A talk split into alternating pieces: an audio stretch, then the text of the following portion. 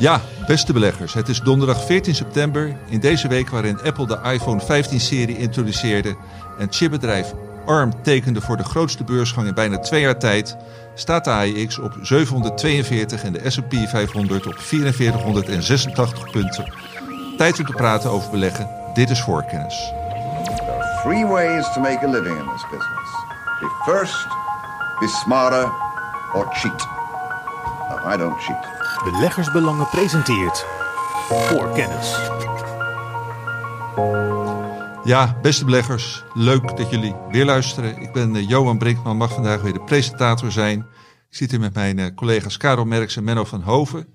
Met deze heren ga ik twee hoofdonderwerpen behandelen. Als eerste aandelen die deze week, terwijl de beurs daalt, een all-time high neerzetten.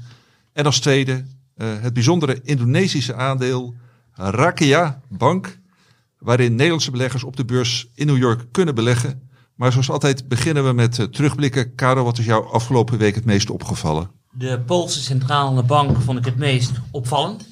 Want zij hebben de rente afgelopen week eh, flink verlaagd. Niet met één kwartje, niet met twee kwartjes, maar eh, met drie kwartjes. Zo snel hebben ze niet eens verlaagd tijdens de eurocrisis of tijdens de start van de COVID-pandemie. En het meest opvallende van allemaal is nog eens dat de kerninflatie, waar we de volatiele voedsel- en energieprijzen uithalen, op, eh, op 11% staat. Ja, en wat is de achtergrond van deze eh, move? Nou ja, ze wilden er geen echte verklaring bij geven, maar er zijn twee verklaringen eh, te verzinnen.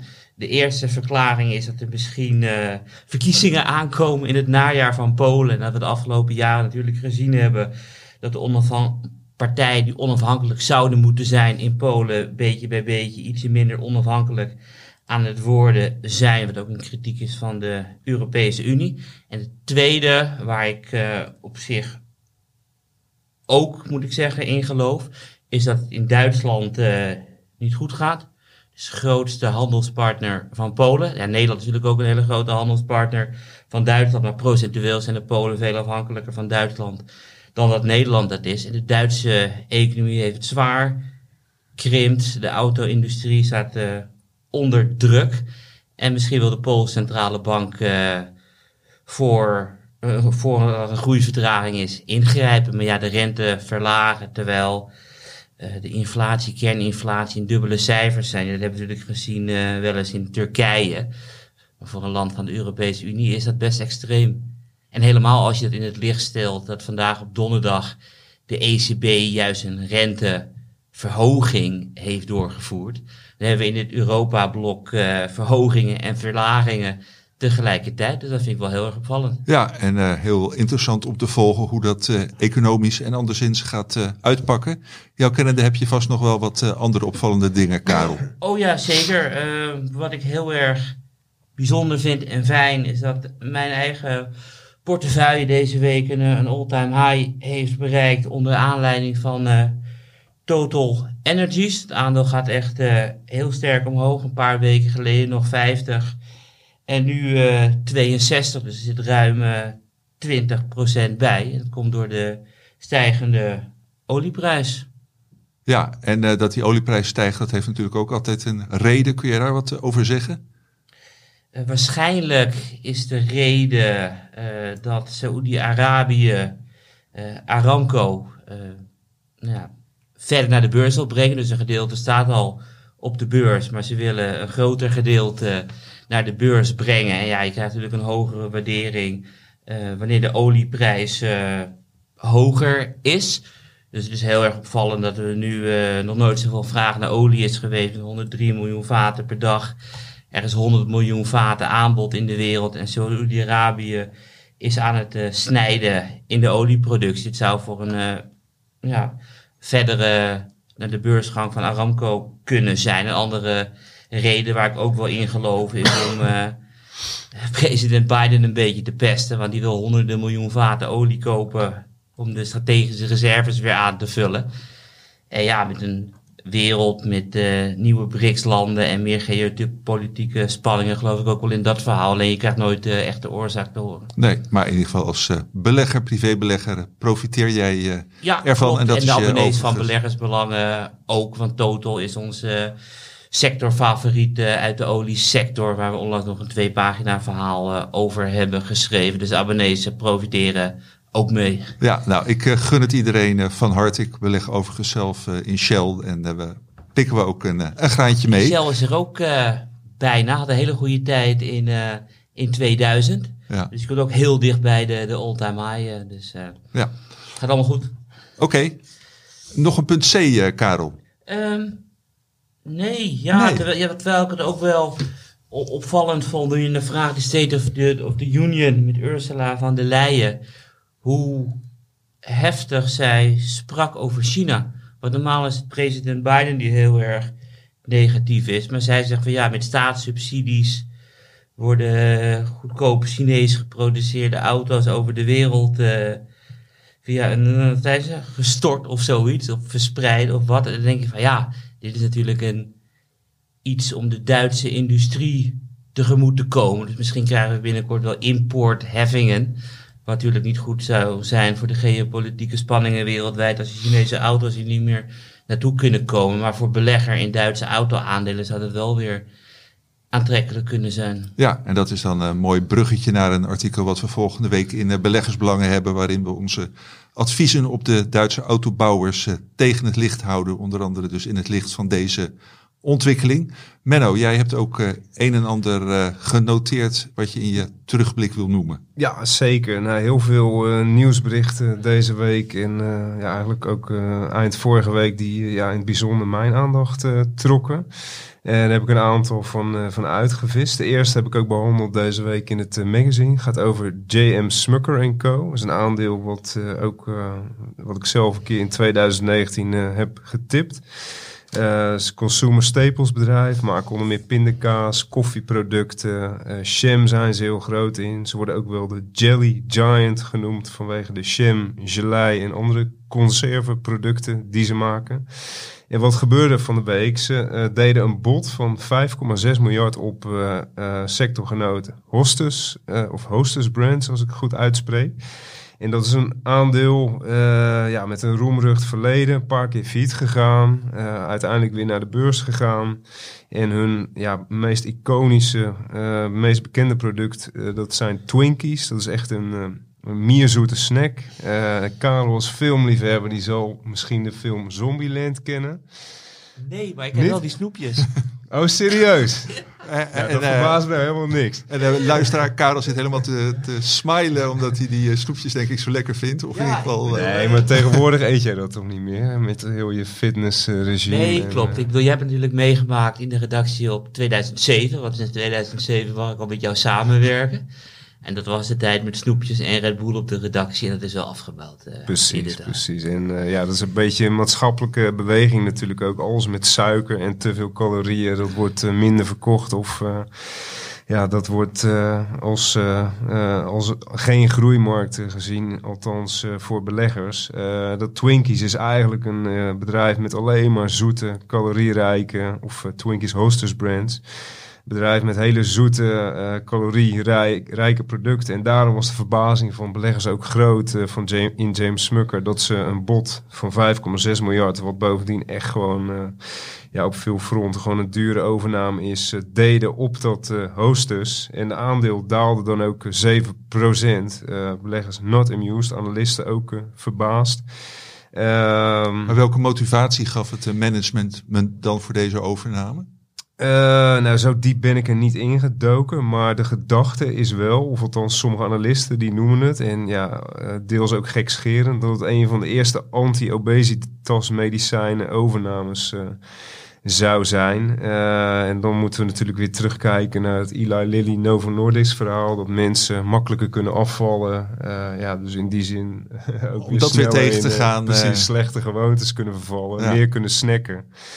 Uh, dus dat, dat, dat wordt wel genoemd. Uh, maar verder, ja, precies, uh, ja, bedoel, ik heb geen duidelijke verklaring. Het management, uh, ja, het bedrijf zit natuurlijk wel in veel zoete producten, bakkerijproducten, jam, et cetera. Dus in die zin past het, past het er wel bij. Alleen, ja, het gaat vooral om de prijs. De prijs is enorm hoog die ze ervoor betalen. En Hostess brand staat uiteraard ook op een all-time high. En daar kom ik zo op terug bij mijn hoofdonderwerp. Maar ja, ik moet, ik moet eerlijk zeggen, ik ben er niet zo dusdanig diep ingedoken wat de motivatie van uh, Smukker was. Maar hoe dan ook, wat ze ook vertellen, ja, het is gewoon heel moeilijk te rechtvaardigen om zo'n soort bedrijf en dan ook nog eens een keer tegen de hoofdprijs te kopen. Een uh, mooie vergelijking is misschien ook wel met Cloetta, wat ik uh, in het Zweden artikel een paar weken geleden heb getipt. Dus deels vergelijkbaar, omdat het eigenlijk een, ja, een zoetwarenproducent is van alle bekende snoepmerken. Waarvan we in Nederland Red Band kennen, King, et cetera.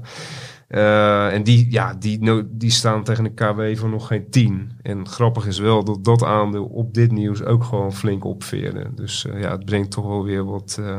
Overnamefantasie in de snoepwarenbusiness. Precies. En, en zo'n Cloetta staat echt ja, gewoon ten opzichte van historisch hoogtepunt heel laag. Terwijl zo'n hostess het eigenlijk al heel goed deed. Uh, ja, vooral omdat er toch nog wel heel veel liefhebbers zijn van die, van die zoete snacks. Maar ja, tegen deze prijs is het gewoon niet te rechtvaardig. En daarom daalde die koers van Smucker ook. Dus dat vond okay. ik heel opvallend. nou, andere ding is natuurlijk vandaag, als ik me niet vergis... nou, jij, kondigde het al aan, Johan, de beursgang van ARM... ik zag dat ze tegen, voor 51 dollar naar de beurs gaan. Waarschijnlijk later vandaag zal er een eerste koers, openingskoers eh, bekend zijn. Meestal is dat uh, ja, pas na een paar uur uh, van de opening, half vier op, op Wall Street. Dus daar kunnen we later nog op terugkomen. Een andere IPO die aangekondigd werd deze week is die van Birkenstock, als ik het goed uitspreek. Duits bedrijf, bekend van de sandalen. En dat merk heeft een enorme boost gehad van de film Barbie. Nou, kan ik weer naar Karel kijken of hij die uh, gezien heeft. Dit is de tweede keer dat Barbie in deze podcast voorbij kwam. Hè? Kijk hier. Vorige hadden het ook over Barbie en Duolingo. Uh, dus. heel goed, maar het schijnt Ik heb dus... hem niet gezien, Menno. Oké, okay, mijn vriendin dan weer wel. En, uh, maar die was ook weer niet heel erg onder de indruk. Maar dat is een ander verhaal. Maar daarin ja, komt dat merk Birkenstock dus naar voren. En na die film is vooral de online zoekopdrachten, omzet, ja, is geëxplodeerd. Dus het bedrijf ziet dat als een mooie kans om naar de beurs te gaan. Er wordt gesproken van een waardering van 8 miljard. Wat ja, ook weer dan aan de hoge kant is. Uh, interessant feitje is dan wel dat uh, LVMH via een investeringsmaatschappij een grote aandeelhouder is in Birkenstock. Dus ja, daar hangt er dan ook misschien wel weer een meer luxe waardering aan. Dus dat past dan ook wel weer bij een LVMH. Details moeten nog bekend gemaakt worden. Wel weten we dat ze in New York naar de beurs gaan, dus niet in Duitsland. En dat ze voorlopig geen uh, dividend gaan betalen. Uh, nou ja, dat zijn de dingetjes waar ik er natuurlijk weer op let. Maar volgende week hebben we weer een uitgebreid IPO-artikel... waarin ik zeker Birkenstock ook mee ga nemen. En ARM natuurlijk, waar dan ja, meer informatie over is. nou heb ik nog een paar puntjes. Ja? Ik ga gewoon door. Zeker. op fusie- en overnamegebied. Toevallig deze week twee uit Ierland. Ten eerste Smurfit Kappa, dat uh, het Amerikaanse Westrock heeft overgenomen voor 11,2 miljard. Nou, ze zijn allebei actief in de verpakkingsindustrie. Uh, Smurfit Kappa is heel groot op het gebied van uh, nou, karton voor pakketjes, et cetera. En daarmee ja, ontstaat dus een hele grote wereldwijde paper- en packaging En tegelijkertijd was er nog een bericht, ook een IS bedrijf, Kingspan, dat een Amerikaanse sectorgenoot Carlisle, daar hadden ze een fusievoorstel uh, voor gedaan. Alleen Carlisle heeft dat afgewezen. Ze hebben gezegd van, ja, niet interessant voor ons. En dat vind ik dan wel weer mooi. Carlisle is een aandeel wat ik wel ja, redelijk goed ken. Het is een heel mooi dividendgroei aandeel. Staat ook op een all-time high. Dus die ga ik zo niet verder uh, uit, uitdiepen. Maar uh, terwijl, en met, met dus een heel mooi dividend uh, track record, wat nou dit jaar bijvoorbeeld omhoog gaat van 75 cent per kwartaal naar 85 cent per kwartaal. Waardering is niet eens extreem hoog. En ja, al zou ik kunnen kiezen tussen een, een, een Kingspan of een Carlisle, zou ik honderd keer voor Carlisle gaan. Dus ik snap helemaal dat ze zeggen opzout Kingspan gaan we niet doen met jullie. Dus uh, nou, dat is weer een uh, interessante ontwikkeling. Vooral ook omdat in de dividendportefeuille tegenwoordig uh, Owens Corning zit. Wat dan weer een sectorgenoot van Kingspan en Carlisle is. En dat aandeel doet het ook ook heel goed. Uh, en vooral die Amerikaanse aandelen in die sector zijn uh, wat mij betreft uh, erg interessant. nog een ander puntje. Een rapport van Deloitte kwam uit van de week. En die hebben institutionele beleggers gepolst of ze openstaan voor lagere dividenden indien oliebedrijven meer spenderen aan de energietransitie. Nou blijkt dus dat het gros ja, wel prima, prima zou vinden om minder dividend te ontvangen. En dan ja, de achtergrond daarbij is dat in 2022, uh, als je dividend en aandeleninkoop optelt, de olie- en gassector verreweg het meeste teruggaf aan de beleggers. De oliemajors zelfs 110 miljard bij elkaar aan dividenden en buybacks. En de vraag is dan ook van, uh, ja, moet er niet meer sneller geïnvesteerd worden in de energietransitie? En nou ja, de meningen zijn er natuurlijk over verdeeld. En uh, ja, daar is al veel over gesproken, ook in deze podcast. Maar vermogensbeheerders en institutionele beleggers, die, of ik moet zeggen institutionele beleggers, ja, die hebben toch wel in dat onderzoek van Deloitte massaal aangegeven dat ze geen problemen mee zouden hebben om ja, dividend op te offeren uh, voor een snellere uh, transitie. Ja, maar dat is toch mijn uh, vraag en die stel ik ook aan Karel of die, die CEO's en CFO's van de oliemajors zich daar iets van gaan aantrekken. Hoe is jouw mening daarover, Karel? Ik ben heel nieuwsgierig of de pensioenfondsen aan wie het gevraagd is, of het ook werkelijk dezelfde zijn als de beleggers in de oliebedrijven. Want wat ik de afgelopen jaren vooral is opgevallen. Uh, er zijn heel veel institutionele beleggers zeggen van ja, wij willen niet meer in olie beleggen omdat het niet duurzaam is. Dus al die institutionele beleggers hebben hun olieaandelen, of dat is al een heleboel, hebben hun olieaandelen verkocht. Dat je dat soort rare dingen kan krijgen. Dat Chevron zegt van ja, als de olieprijs 60 is, dan kunnen wij de komende jaren een kwart van onze beurswaarde gaan terugkopen in eigen aandelen. Dus ik vraag me überhaupt af of de mensen die zeggen van ze moeten meer geld steken in de energietransitie, of het ook de aandeelhouders zijn. En het tweede punt wat ik heb is van waarom kopen ze zoveel eigen aandelen in en waarom betalen ze zoveel dividend? Dus onder andere omdat de vrije kaststroom extreem hoog is. En ik zat ook afgelopen kwartaal weer naar de analistencall van Total te luisteren. En toen zei de CEO, die zei van ja, vrije kaststroom is voor ons het allerbelangrijkste wat er is. De rest komt allemaal later.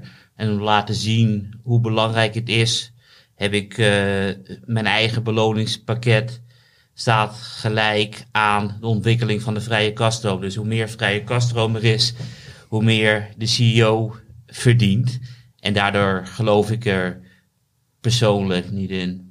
Nee, nou ook dat uh, moeten we natuurlijk uh, afwachten. Maar inderdaad, een, uh, een opvallend onderzoek van Deloitte. Ja, ja en, en, alles draait natuurlijk op het rendement op die groene investering. En die ligt ja, op dit moment nog steeds veel lager dan op.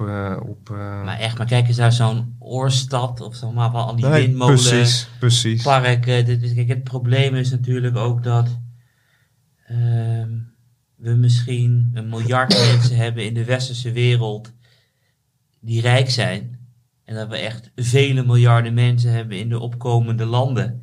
Die net zo lekker willen leven als wij aan het leven zijn. Nee, dat, dat is ook zo. En uh, ja, in dat kader viel mijn oog vanmorgen ook op een ander nieuwsbericht. Dat Total Energies, nou, toevallig uh, waar jij het net over had, uh, die, die wil 9 miljard investeren. Dan moeten ze knoop over doorhakken in een nieuw offshore project in Suriname, waar enorme olievelden liggen. En waar voor 20 dollar per vat zou kunnen worden geproduceerd. Nou, ja, dan ga, kun je al nagaan natuurlijk wat een enorme... Ze gaan uit van een olieprijs van 60 daar worden al die berekeningen meegemaakt. Nou ja, door omstandigheden is het nu 90. Nou ja, als je een vat van 20 naar boven haalt en je voor 90 kan verkopen, of misschien volgend jaar voor 120 of voor 130. Dat bedrijf is, van de. Kijk, zit het met het uh, salaris van de CEO uh, voorlopig wel goed, uh, ja, denk zeker. ik. Ja, ik gun het hem van harte. Kijk, wat wel natuurlijk zo is van hoe de ontwikkelingen gaan wel heel. Kijk, even voor de duidelijkheid, ik ben wel voor duurzame energie. En sinds de Russische invasie in Oekraïne zien we wel dat de ontwikkeling in Europa heel snel gaan wat betreft zonne-energie, eh, et cetera. Dus ik bedoel, de wereld wordt wel beter. Precies, en het moet uiteindelijk gefinancierd worden. Ja, daarvoor heb je toch gewoon die uh, fossiele uh, uh, producten Ja, nodig. Kijk of, eh, kijk, of wij moeten hier om de in cash, Europa cashflow binnen te halen. eh, een kerncentrale gaan openen. Ja, Ik bedoel, dat is natuurlijk ook eh, heel veel energie wat je opwekt. oké. nou, volgens mij eh, hebben we daar eh, binnenkort de verkiezingen over. Dan kan de Nederlandse, nieuwe Nederlandse regering daar straks wat, eh, wat van vinden. Juist. Had jij nog wat eh punten? Ja, ik had nog één puntje, Ja? ook toevallig vandaag. En eh, dat gaat over Carrefour. En eh, ja, dat vond ik wel vrij bizar. Eh, we weten natuurlijk allemaal dat in de supermarkt eh, de prijzen steeds hoger gaan. En dat de retailers eh, strijden met eh, de, de, de eigenaren van de merken om die prijzen, prijsverhogingen zo min mogelijk, of zo, ja, zo, zo, zo langzaam mogelijk omhoog te laten gaan. En eh, wat heeft Carrefour gedaan? Die hebben sinds maandag 26 producten in zijn winkels in Frankrijk gemarkeerd met labels waarop staat: dit product is in omvang of gewicht afgenomen en de effectieve prijs eh, bij de leverancier is gestegen. Eh, als voorbeeld, en dit is dan op basis van een Reuters-artikel eh, wat ik heb gelezen. nemen ze een fles Lipton Ice Tea, geproduceerd door PepsiCo. Die is qua omvang gekrompen van anderhalve liter naar 1,25 liter. En ja, wat dus resulteert in een effectieve prijsstijging van 40% per liter. En ja, Carrefour, eh, en dat is deel, natuurlijk ingegrepen door de Franse regering, die al maandenlang eh, probeert om de consumentenlasten te verlichten. eh, door vooral de stijging eh, van eh, voedselproducten. En ze zijn ook heel erg bezig. Volgens mij is de brandstofprijs in Frankrijk gekapt op 1,99 max eh, per liter eh, door de overheid. Eh, de resultaten daarvan zijn wisselend. En eh, ja, daarvoor plakt Carrefour nu stickers op producten van een Nestlé, van een PepsiCo, et cetera. Om de consumenten van bewust te maken dat het echt bij die eh, brand owners ligt. En dat zij er verder helemaal niks aan kunnen doen. En dat alles om druk uit te oefenen voor de onderhandelingen. ja, die in oktober weer gepland staan met al die merken over de, de prijsvorming in de winkel. Dus eh, ja, dat eh, is wel, hebben, eh, hebben we dat in Nederland de al eh, krimp- gezien? in, krimpflatie. eh, in, in onze dat. supermarkten? Ik, het is mij niet, eh, Ik- het is- nou, niet, ik, niet eh, opgevallen, maar eh, ben nee. het ook nog nooit. Nee. eh, Ik Nou. vond niet de vergelijking. Vaak staat er wel dit product kost per kilo X, maar niet van nee. er is een prijsstijging van 40% voor dit product. Dat is het. Nooit Dit is gezien. echt openlijk aan de schandpaal nagelen van, eh, ja, van de leveranciers eh, Ja, en wijzen op die krimpflatie. nou, dat worden eh, interessante onderhandelingen. Ja. Dat, eh, Oké, Menno, eh, dankjewel. Weer meteen even doorpakken met. eh, jij hebt dan wel een aantal dingen genoemd. Iets wat je nog wil noemen, wat je deze week in ons magazine hebt geschreven. Heel goed, Johan, dat je daarop doorgaat. Dankjewel, Menno. Nee, eh, ja, ik heb meerdere dingen gedaan. Eentje die ik nog niet heb benoemd eh, tot nu toe, en die zometeen ook niet voorbij komt, is een eh, ja, analyse van Abbott Laboratories. Natuurlijk een grote healthcare speler in de Verenigde Staten. Zit in de dividendportefeuille. Was een van die enorme corona-profiteurs, omdat ze van die testsets maakten. Die eh, ja, wat een enorme omzetsprong eh realiseerden, eh, verzorgden de afgelopen jaren. Die corona-omzet die valt nu steeds verder terug. Sterker nog, de coronataxatie voor dit jaar is nog verder teruggebracht. Maar alle andere divisies, eh, ja, die draaien gewoon prima. En organisch eh, groeien ze gewoon met dubbele cijfers. Eh, ja, alleen die corona-omzet, die blijft steeds verder terugvallen. Wat een beetje een vertekend beeld geeft over die resultaten. Daar waarschuwde, tussen haakjes waarschuwde ik vorig jaar al voor. Want de waardering ja, was niet extreem laag. was aan de hoge kant. Maar voor de lange termijn blijft het denk ik gewoon een fantastisch dividendaandeel. Maar dat eh, heb ik uitvoerig beschreven in het eh, magazine eh, van deze week. Dankjewel, Menno. En het was zeer interessant om te lezen.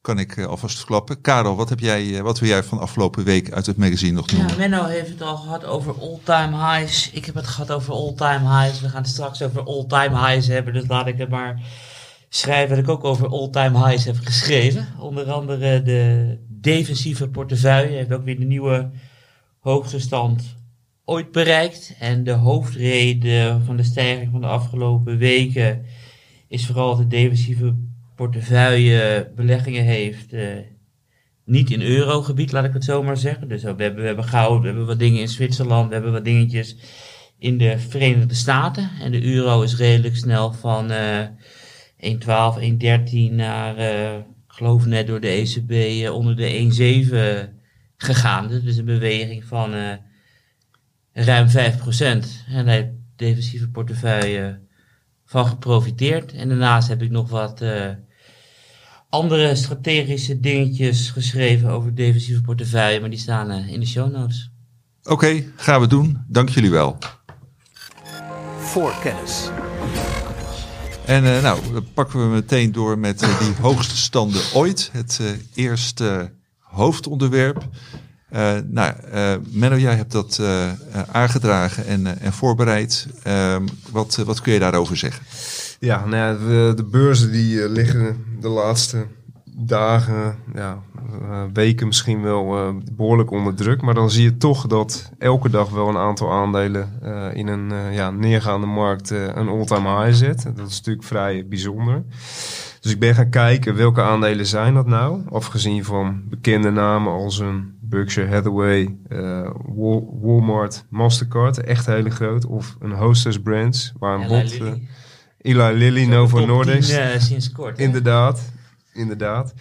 Dus ik ben gaan kijken naar ja, de niet eh, erg voor de hand liggende aandelen. Een aantal eh, die ik zelf nog nooit eh, had gezien. En daar ben ik ingedoken om te kijken van eh, ja, waarvoor specifiek in dat geval nou eh, die aandelen op een all-time high staan. En eh, ja, wat mij sowieso breed opvalt, het is eh, de aandelen die het heel goed doen, die dus hoogtepunten bereiken. Dat is een mix van sterke dividendaandelen. Waar ik er eh, natuurlijk eh, vooral eh, een aantal van ga behandelen.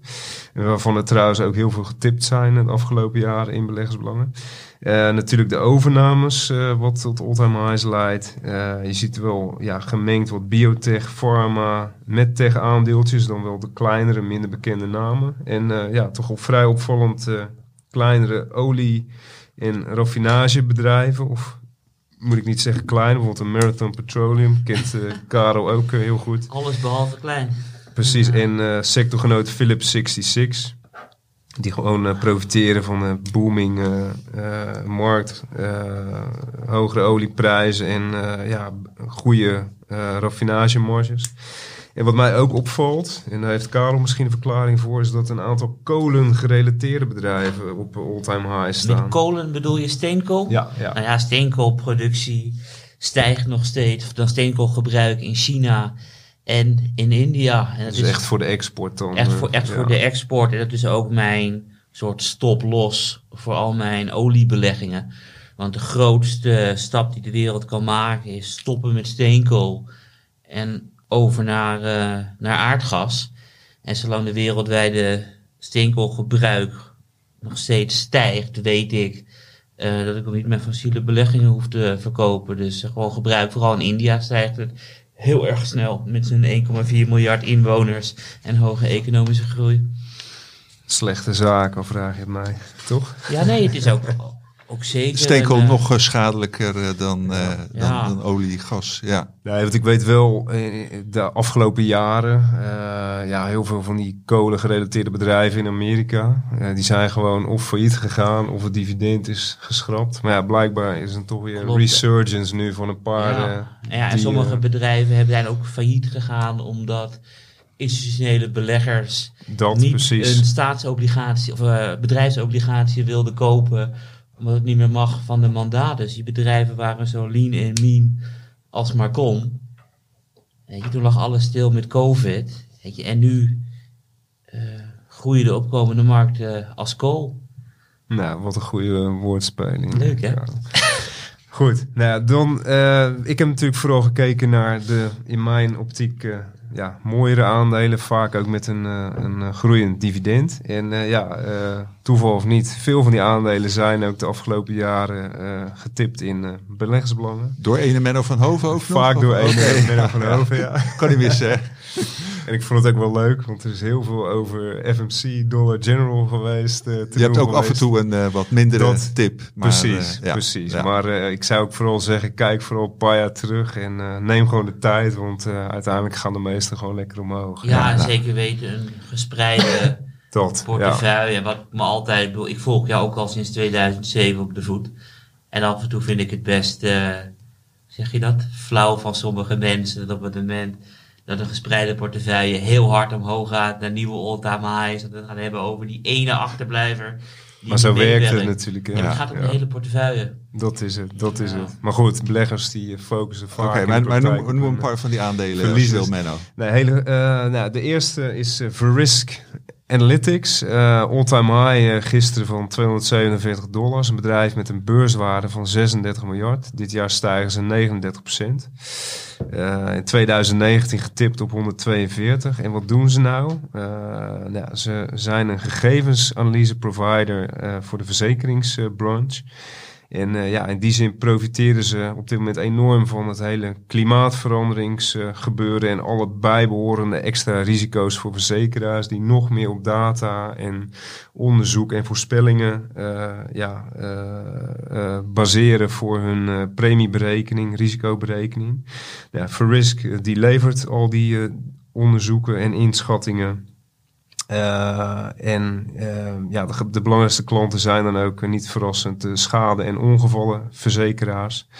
eh waarvoor ze dus eh, verliezen voor, eh, voorspellen eh, en ook advies geven voor eh, pricing, premies en, eh, en, en, en eh, naleving, regulering. Dus eigenlijk het hele complete risico eh, en pricing pakket, eh, ja, dat leveren zij. Het is, moet ik wel zeggen, een bedrijf wat niet extreem spectaculair groeit, maar wel heel stabiel is, ook qua dividendontwikkeling. Eh, omzet eh, ja, groeit zo'n 6, 7 procent per jaar. Ze noteren nu tegen een KW van 43. Dus of je er nu nog in moet op dit moment. eh, Ja, en, en noem nog even de naam Menno, want ik kan me voorstellen dat mensen dat... voor Risk Analytics Heb is je ook een dat. tickercode? Ja, VRSK. Kijk, dat kan ik wel eh, onthouden. Eh nou, een ander aandeel, die was toevallig van de week in het nieuws. Casey General Stores. Ja, vind ik zelf altijd een heel leuk aandeel. Eh, puur ook omdat ja, in mijn ogen een uniek bedrijf is. Wat doen ze? Ze hebben over de hele Verenigde Staten 2500 eh, gecombineerde tankstations met gemakswinkels. Eh, en dan niet eh, bij de grote steden, maar echt op de meest remote plekken in de US. Dus als je wat wilt tanken en je hebt dat nodig, ja, dan ga je eerder daarheen dan naar een supermarkt. Dat is een beetje het idee. En wat ze ook heel slim doen sinds een aantal jaren is dat ze eh, warme maaltijden a- aanbieden. Dus pizza's, eh, eh, ja, whatever. Vooral pizza zijn ze heel groot in. En dat zijn dus de enorme eh cash cows van dit bedrijf. Wat bovendien, en dat past dan weer in dat hele raffinageverhaal, profiteert van eh, ja, hoge raffinagemarges, eh, zeker dit jaar. En eh, ja, dit aandeel blijft gewoon eh, heel mooi groeien. Van de week eh, veel beter dan verwachte cijfers. Ze openen per jaar meer dan 100 nieuwe winkels. De verwachting was dat ze er eh, 110 zouden doen. Dat worden er nu 150. En ja, de winst in het eerste fiscale eerste kwartaal was 4,52 per aandeel. De consensus zat op 3,37. Dus een enorm gat. En, En- en bij winkels moet ik dan denken aan die winkels die wij kennen langs Nee, de nee, snelwegen? ik bedoel- Of echte Carrefours? Ik bedoel, wat voor winkels Nee, dan moet je echt gewoon een tankstation, maar dan wel wat groter. Oké. Dus het is gewoon gecombineerd tanken en... eh, En een pizzaatje halen. Precies. Dus het is eigenlijk wat wij ook langs de snelweg hebben, alleen dan echt eh, in the middle of nowhere. Dus al eh Oh, woon je ja. daar, dan is dat vaak je enige... Plek voor een warme Ja, pizza. dat inderdaad. Er zitten geen donuts, pizza's of eh, whatever. Oh, die, die komen niet met een brommetje, al zit je daar naar jouw En, huis en, toe. en die honderd verlaten plekken zijn allemaal in de Verenigde Staten. Ja, nee, zeker. Nee, we, ze hebben 2500 vestigingen, maar er komen er 100 per jaar bij. Ruim 100 Oh, ja. per jaar. Dus het is een... 10%. Precies. Het is Maar allemaal echt- in de VS. Dus. Allemaal in de VS Ja. is dat, ja. En dit is dus ook gewoon een heel mooi eh, dividendaandeel. Ik noem het zelf een toekomstige aristocrats, want ze zitten nu op 24 jaar van eh, dividendverhogingen op rij. En dit jaar ging het dividend met 13% omhoog. Gemiddelde dividendgroei over de laatste Compleet 20 jaar maar ik ben, is ook 13%. maar ik ben nu dus- wel nieuwsgierig. Ehm, hoeveel dividend-aristocraten komen er per jaar bij? Hoe, hoe bijzonder is dat? Ja, net, het, eh, het is heel simpel. Er zitten er uit mijn hoofd nu tussen de 5 en de 8 op 24. Dus in theorie zouden er, als je puur uitgaat van 24 op 25, zouden die erbij kunnen komen. Maar S&P, want, eh, je hebt het over de echte officiële index, denk Ja. ik. Ja, die doen meestal een paar wijzigingen per jaar, ook afhankelijk van als er een Maar dat groeit dus wel duidelijk nog. Nee, zeker, zeker. En er zit ook een hele grote laag onder met 22, 20, Ja, ja, ja, 21. ja, ik, bedoel, ik volg Ja. die er nu op 15 en die gaat ook gewoon halen. Maar ja, je wel 10 precies. jaar wachten. En vooral ook heel veel tech-aandelen die allemaal relatief later zijn begonnen met dividend betalen. Ja, dat komt eh, over tien jaar komt er enorm Oké, dus we gaan straks over de dividend kings praten. Dat gewoon 50 jaar de unieke... Ja, nee, of dat, of, of, of, eh, dat is natuurlijk weer een eh, grens. eh dan moet je heel, heel goed je best doen om daar te komen. Of dat voor veel techbedrijven op zo lange termijn haalbaar is, ja, dat is lastig in te schatten Ja. nu. Maar feit is dat gewoon steeds meer focus is op dat dividend. En dat er steeds meer bedrijven naar die 20 jaar of hoger gaan. Wat nog niet betekent dat ze allemaal automatisch worden toegevoegd aan de. Ze moeten sowieso in S&P 500 zitten en ja, minimaal handelsvolume, dat soort eh, Ja. zaken. Dus, eh, maar dit is wel een hele interessante en die zouden best wel eens een keer aan toegevoegd eh, kunnen worden met een eh, market cap van nu 10 miljard. Eh, dus die viel me op. En dan ga ik gelijk door naar een andere die ik eh, verderop wil behandelen. Wat voor mij een eh, ja, compleet nieuw aandeel is. Eh, of althans, ik ken het wel van naam. Maar ik dacht eigenlijk dat ze iets met olie deden. Maar dat is ja, indirect wel. Dat, eh, ik zal eerst zeggen waar ik, waar ik het over heb. Het gaat over Murphy USA. Er is namelijk ook een Murphy Oil. Dat is echt gewoon een eh, olie-exploitatiebedrijf. maar dit eh, bedrijf doet een beetje wat... ehm, mijn geheugen, jongens. Wat Casey's General Stores eh, doet. Eh, een detailhandelaar in brandstof en ook de convenience eh, producten. Eh, dus de tankstations met de, met de winkeltjes. En eh, deze zijn heel slim omdat ze een deal hebben met Walmart.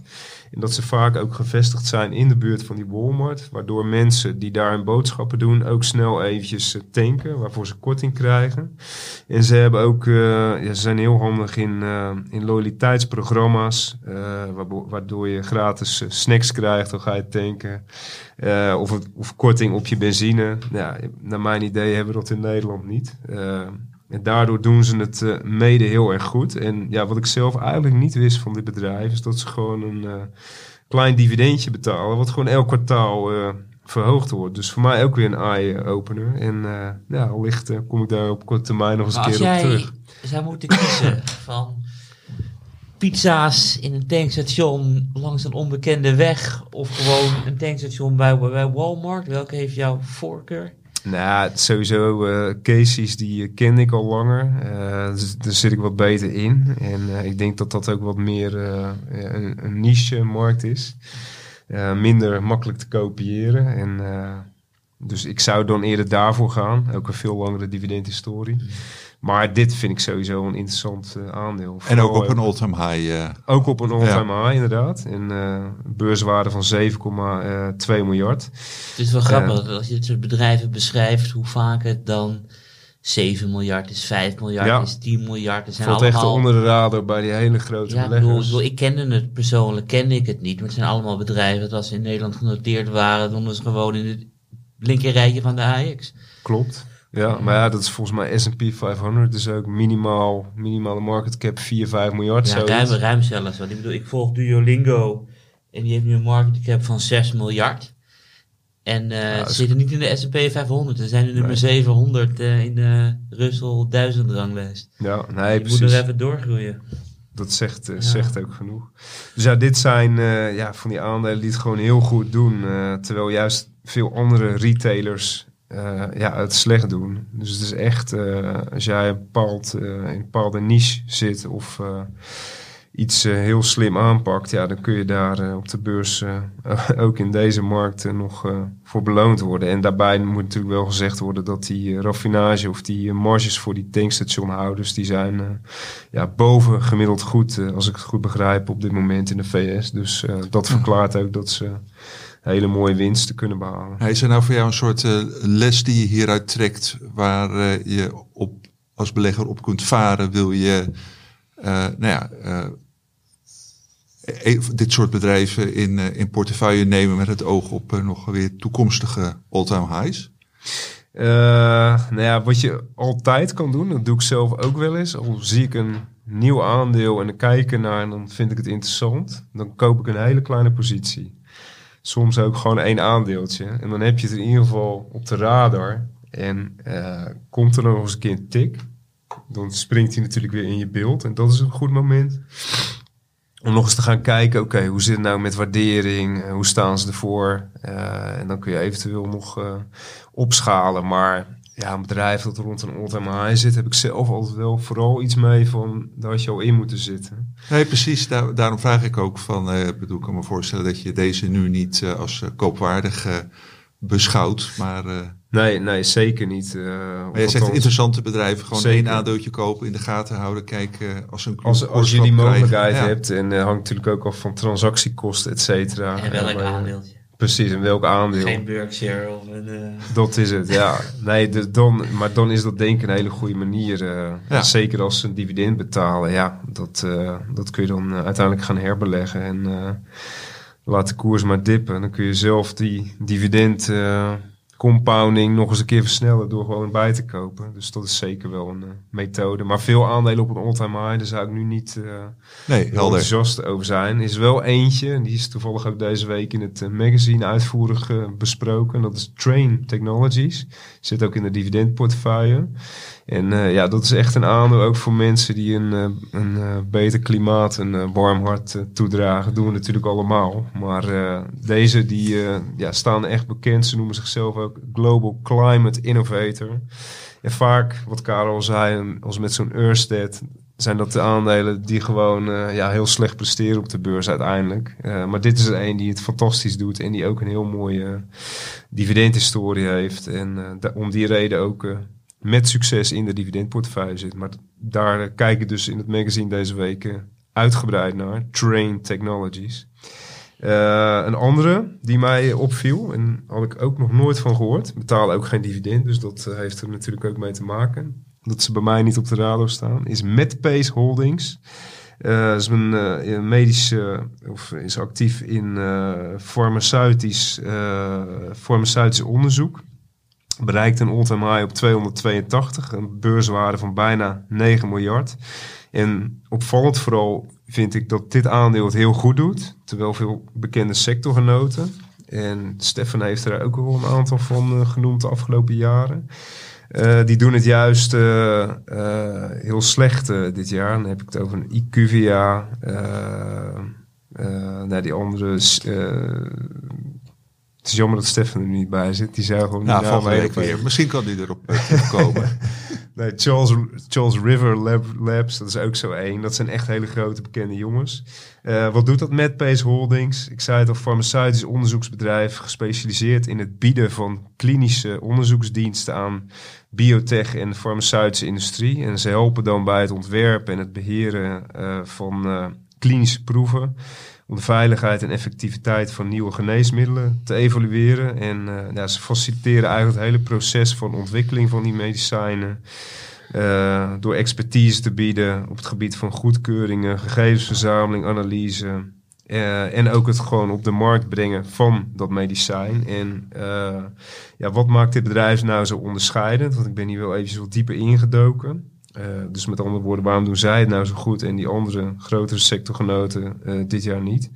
Eh nou, belangrijke reden, denk ik, wat ik kon achterhalen, is dat 96% van de klanten van Medpace, dat zijn kleine tot middelgrote farmace- biofarmaceutische bedrijven. Dus de echte Big Pharma, daar hebben ze eigenlijk heel weinig mee te doen. Sterker nog, in het tweede kwartaal was nog slechts 4% van de omzet eh, afkomstig van Big Pharma, terwijl het in 2020 nog 10% was. Dus ook echt weer zo'n niche-speler die kleine biotech- en pharma-bedrijfjes bedient.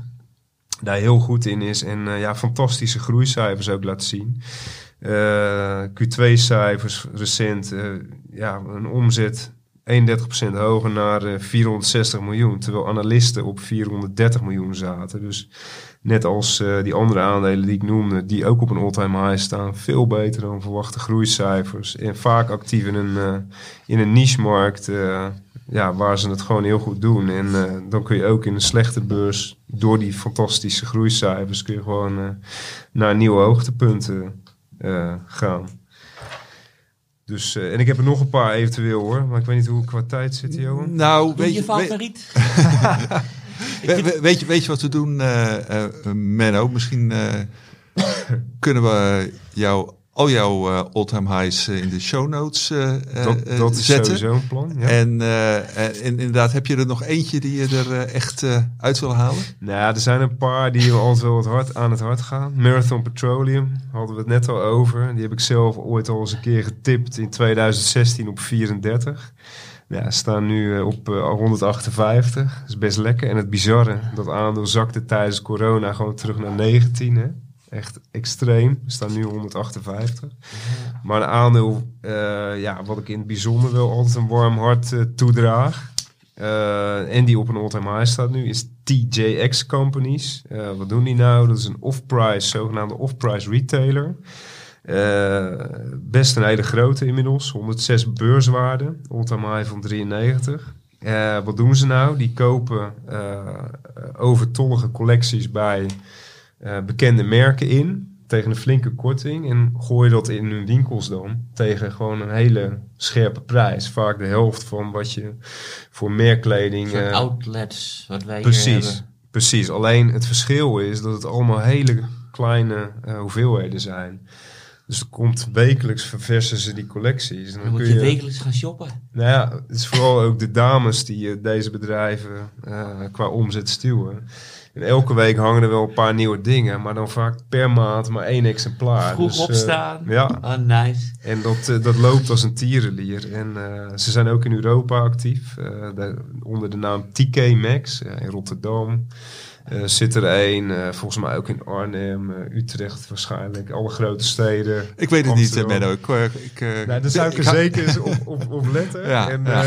het zijn best hele aardige winkels. Echt nou, wel, ik kan het aan mijn dochter vragen, die heeft er wel, wel oog voor. Ik weet bijna zeker dat ze die wel kent. Oké, okay, nou, we, we gaan het... En, en ja, met gewoon hele trouwe klanten. En uh, voor ieder wat wils uh, hebben ze wat. En uh, ja, dat zijn gewoon hele mooie groeibedrijven. En dit was bijna een dividend aristocrat tot corona kwam. Dat fucking corona. Wat heel veel dividendaandelen ook om zeep heeft geholpen. Zo ook TJX Companies, wat dus in 2020 op 24 jaar van dividendverhogingen zat, moest het helaas een paar kwartalen schrappen. Maar inmiddels betalen ze gewoon weer een recorddividend. En uh, ja, de dividend gaat elk jaar met dubbele cijfers omhoog. En uh, ja, jullie weten wat ik altijd zeg. De koers volgt uiteindelijk het dividend. Ja, en dat uh, don't lie. wordt hier wel eens een keer bewezen. het is wel een duur aandeel. Koers-winstverhouding nu voor dit jaar op 25. Maar ja, het is ook mede door continue opening van nieuwe vestigingen. Uh, een bedrijf wat uh, elk jaar 5 tot 7 procent meer omzet blijft uh, realiseren. En een nagenoeg schuldvrije balans. Dus ja. verbaast me niks dat dit soort aandelen op een all-time high staan. We krijgen denk ik de meest uitgebreide show notes ook met al deze favorieten van jou, Menno, die op hoogste koers ooit staan. Karel, wil jij er nog wat aan toevoegen of wil jij uh, naar jouw uh, zeer bijzondere Indonesische nou ja, ik ben aandeel? wel onder de indruk uh, hoeveel Menno in een week volgt. Dat is het enige wat ik erover te zeggen heb. Oké. Okay. Echt heel indrukwekkend. Daar sluit ja, ik me bij aan. Dankjewel, collega's. Voor kennis. Karel, ik sprak het aandeel waar jij het over wil hebben vanmiddag op de redactie verkeerd uit. Want ik zei Rakiat en toen zei je nee, het is rakia. Ja, ja maar schrijf rakiat. Dat, uh, klopt, uh, klopt. Maar, maar uh, wat, wat wil jij, waarom wil jij het hebben over rakia? twee oorzaken of twee aanleidingen kan ik beter zeggen. Dus ik heb deze week heb ik het omslagverhaal voor tijdschrift Beleggersbelangen geschreven over de energietransities en welke grondstoffen daarvan het meest gaan profiteren. En uiteindelijk is er ook uitgekomen dat het land waar daar het meest van gaat profiteren Indonesië is. En daar heb ik een uh, omslagverhaal over geschreven. Alleen ik dacht van, ik ben ook wel nieuwsgierig en daar heb ik niet over geschreven. Dit is wat extra, dus ik kan het artikel sowieso aanraden aan iedereen. En ik denk van, laat ik eens gaan kijken wat er allemaal op de Indonesische beurs genoteerd staat. En ik ben het meest onder de indruk geraakt van Bank Rakia. Indonesië, hoe het officieel uh, heet. En zoals de naam al zegt, is het een, uh, een bank. En het is gespecialiseerd in microfinanciering in Indonesië. En nog één achtergronddingetje Indonesië is een van de landen waar bankensector nog het minst doordrongen is. Want 50% van de Indonesiërs heeft geen eens een, uh, een bankrekening. Nu terug uh, naar het aandeel. Uh, waarom hebben ze zo'n sterke concurrentiepositie ten opzichte van andere banken? En dat komt omdat de bank is uitgegroeid uit Rakia, dus zonder banken daarvoor. En dit bedrijf is begonnen in de jaren 70 en was verantwoordelijk om rijstsubsidies, dus gewoon rijst uit te delen uh, aan de arme Indonesiërs. En Indonesië is een land met echt duizenden eilanden. Dus daar hebben ze allemaal hele kleine reiskantoortjes hadden ze daar vroeger, waar de plaatselijke bevolking rijst kon ophalen. En daarvan hebben ze zoveel van de plaatselijke bevolking uh, geleerd dat ze ook begonnen zijn als bank. Dus ze kan er gewoon, de inheemse stammen kunnen daar hun geld neerzetten. Het bedrijf leert over de mensen, kan heel goedkoop leningen verstrekken, omdat ze gewoon alles van de lokale uh, gemeenschap weten. Ze hebben nog altijd 6000 lokale kantoren op al die eilandjes van Indonesië. En toen dacht ik van, hé, hey, dat is interessant. Dus ik wil er meer van weten. En een van de eerste dingen die ik dan altijd doe, is kijken naar de vrije kaststroom. En, uh, en de vrije kaststroom is alles wat er overblijft wanneer kosten, uitgaven en investeringen zijn gedaan. En wat bleek de afgelopen 30 jaar, zijn ze elk jaar winstgevend geweest. Het is heel erg bijzonder, want in 1997, zoals jullie weten, hadden we de Azië-crisis. Dat was echt een hele zware tijd uh, voor Azië. Maar toen hadden ze ook nog een, een winst gerapporteerd. Dus ze zijn echt fantastisch in het uh, uitlenen van geld. Want ze kunnen risico's kunnen ze echt heel goed uh, inschatten. En toen dacht ik van, hé, hey, ik wil daar wel, wel meer over weten. Dus toen ben ik op onderzoek uitgegaan. En het is een heel mooi bedrijf, Johan. Kort door de bocht gezegd. Oké, en de kern zit dus in uh, enorme netwerk aan kantoren. Daardoor heel, heel veel contact met lokale bevolking. En ja, dan het ja, bedienen van die lokale bevolking met, met, met, met bankrekeningen. Ja. En dus een enorm groeipotentieel, omdat ongeveer de helft van de Indonesiërs nog helemaal geen bankrekening heeft. Klopt. En er komt dus een enorme positieve periode aan. Want de demografie van Indonesiërs zijn heel erg jong. Dus dat betekent nou ja, dat je heel weinig geld nodig hebt om voor ouderen te zorgen. Dus het is een hele jonge bevolking. Wij denken soms dat wij in Nederland met 50% schuld ten opzichte van de economische omvang het heel goed doen. Maar die Indonesiërs zitten op 38 procent. Dus echt uh, financieel staan ze nog veel ervoor dan, dan in Nederland. En Indonesië is ook een heel erg grondstofrijk land. Dus er stroomt nu heel veel geld binnen van het buitenland naar Indonesië. Dat zorgt voor uh, economische groei van 5% en meer per jaar. En, ja, en uiteraard zorgt dat weer voor binnenlandse vraag en een stijgende kredietcyclus. Ja, en uh, nou, dit, dit, klinkt vanuit ons perspectief hier in Duivendrecht behoorlijk exotisch. Hoe, ja, hoe, hoe groot is het bedrijf? Hoe safe is deze belegging? Vind je het nu ook koopwaardig? En, en hoe en waar kun je in beleggen? Oké, we beginnen bij de makkelijke vraag in Menno. Ze hebben ook een ADR in New York. Als ik dan naar een ADR kijk, denk ik van ja, wat, welk rendement brengt die EDR op. Nou ja, het is precies als je gecorrigeerd voor het valuta-risico, is dat precies in de lijn uh, met de notering in Indonesië. Dus het wordt heel erg goed uh, gevolgd. Persoonlijk denk ik dat het relatief veilig is, omdat ze in 2020 met COVID winst hebben gerealiseerd. In de mondiale financiële crisis hebben ze winst gerealiseerd. En in 1997 bij de Azië-crisis hebben ze ook winst gerealiseerd. Ik heb hem heel erg hoog op mijn watchlist staan. Ik denk van, hé, hey, ik wil misschien wel een positie erin opbouwen. Ik denk dat ik de tip van Menno ga volgen. Vind ik wel een hele goede. Koop gewoon één aandeel. Want dan komt hij gewoon dagelijks in je broker account voorbij en kan je hem extra goed volgen. Dus ik denk dat ik het dat doe. En misschien voor de volledige disclaimer. Ik heb ook de MCI Indonesië in mijn eigen portefeuille waar Rakia ook in zit. Maar dan is het een ETF-vorm. Ja. Dus het is heel erg ehm, exotisch. Maar waar we het net al over hadden, de, e- de opkomende markten eh, groeien heel erg hard.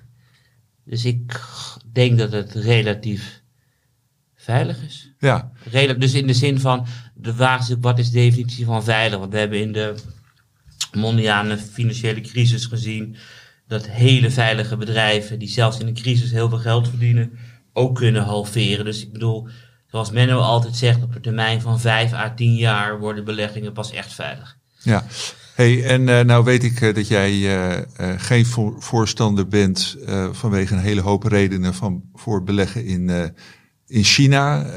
Het feit dat dat land geen democratie is. Ik denk ook dat ja, soms ondoorzichtig is hoe die bedrijven, Chinese bedrijven, hoe die daadwerkelijk eh, ehm, functioneren. Ehm, Indonesië is wel een democratie. Is de, de, de, de, de, corporate eh, structuur. eh, is die ook zodanig dat je denkt van, nou ja, dat is, dat, dat, dat, daar, daar, daar, durf ik mijn geld wel in te steken op een, eh, op een zeker moment? Ja, zeker. Jij geeft natuurlijk weer een ander argument aan waarom Indonesië heel erg aantrekkelijk is. En dat is omdat het naast China ligt. Dus China groeit ook heel erg hard. En zij profiteren ook van China, omdat ze, nou ja, is een soort buurland. Dus eh, los daarvan zijn de rechten van mensen economisch gezien en juridisch gezien relatief eh, goed. Dus in de zin van, ik volg onder andere het Cato Instituut, dus een verenigd bedrijf uit de Verenigde Staten, die alle 193 landen rangschikt op basis van vrijheid. Ik denk dat ze 60 of 70 indicatoren daarvoor eh, gebruiken. Zijn ze nummer 81. Dus ik bedoel, er is al wel een, eh, een weg te gaan. Maar ja, dat betekent ook dat ruim 100 landen in de wereld minder vrijheid hebben dan de Indonesiërs. Dus ik eh, denk dat ze op, op een hele goede weg gaan en ik durf zeker mijn geld erin te stoppen. Dus ik heb het pas recent ontdekt, omdat ik pas sinds een aantal maanden echt, echt fan ben van die regio. Maar ik ga, er- ik ga er sowieso één aandeel kopen wat Menno zegt. Gewoon, dan kan je lekker volgen. En dan uiteraard als ik er dan eh, groter in ga, dan, dan kom ik er nog op terug. Ja, nou, dan moeten de Nederlandse brokers denk ik niet eh, vreemd opkijken als eh, straks een paar duizend mensen die nu luisteren allemaal één aandeel van Rakia Bank kopen. Maar dat is hartstikke, hartstikke leuk. Ja, of Dat- überhaupt één aandeel van hun watchlist. Ik vind het een Ja. hele goede tip, Mende. Want ik heb zelf ook wel een lijstje. En dan loop ik om de paar weken loop ik langs wat er nou gebeurd is. Maar ja, kijk wel. Ja, ik moet bekennen, te vaak in mijn eigen broker-account. Dus om negen uur bij de openen van de beurs. Om twee uur bij de grondstoffenhandel. En om half vier in de Verenigde Staten. En tien uur bij slot. Dus ik kijk er vier keer per dag naar. En dan kan je Ja, het veel beter eh, in de gaten houden. Hele, hele effectieve manier. Dat ben je ook slim, hè? Oké, eh, heren, we gaan proberen op precies één uur eh, podcast af te ronden. Betekent dat jullie allebei nog eh, 45 seconden hebben om vooruit te blikken. Karel? Ik ga misschien wel die 45 seconden pakken, Johan. Want er zijn een aantal belangrijke dingen aan de hand. Eentje daarvan is eh, het eind van deze maand, ik de meest schokkende, zijn er verkiezingen in Slowakije. En meneer eh, Robert Fico, als ik het goed uitspreek, is de leider in de polls. En een van de verkiezingsthema's die hij teweeg, althans op heeft geopperd om te gaan stoppen is met de steun aan de Oekraïne. Want elke euro die naar de Oekraïne gaat, kan niet naar de Slovaakse bevolking. En die heeft het zwaarde inflatie. Dus daar wil hij mee stoppen. En het meest schokkende daarvan is, we hebben het afgelopen jaar natuurlijk gezien wat Viktor Orban uit Hongarije gedaan heeft. Een beetje de sancties proberen te vertragen, et cetera. En ik vind het best schokkend als Orban nu een eh, kameraad krijgt via Fico die de leider in de polls is. Maar ik hoor ook uit Europa best wel eh, verontrustigende geluiden. Dus dat ga ik volgen, die verkiezingen in Slowakije. En de ECB hadden we deze week, maar ja, veel belangrijker is volgende week de Fed. Want de Fed is natuurlijk de centrale bank van de Verenigde Staten. Wereldwijde reservevaluta is de dollar. Dus de Fed is belangrijker dan welke centrale bank dan ook. En wat ik vorige week zei, vorige keer zeg ik nu weer, Fed is heel belangrijk, maar hou vooral die Bank of Japan in de gaten. Want die komt donderdag volgende week en die heeft het uh, extreemste beleid. Sorry Johan voor uh, de minuut. De ruime minuut, Karel, maar dat maakt niet uit. Het is allemaal interessant om te benoemen. Menno, kijk jij uit naar bijzondere dingen? Ja, de tijd is op, dus... Uh, nee, ik, nou, nee. wat geintje, wat geintje. Geen live tv, hè? nee, nee, ik, uh, ik heb niet specifiek iets waar ik naar uitkeek, maar, uh, of waar ik naar uitkijk. Maar ik heb nog wel één dingetje wat ik net niet nog had vermeld. Want op mijn laatste, want ik had extra veel voorbereiding, waar ik nog niet helemaal aan toe was gekomen. Die kwam ik net nog even tegen. We hadden het natuurlijk over bedrijven met hele zoete, slechte producten die het heel goed doen op de beurs. Of althans dat hostess uh, brand.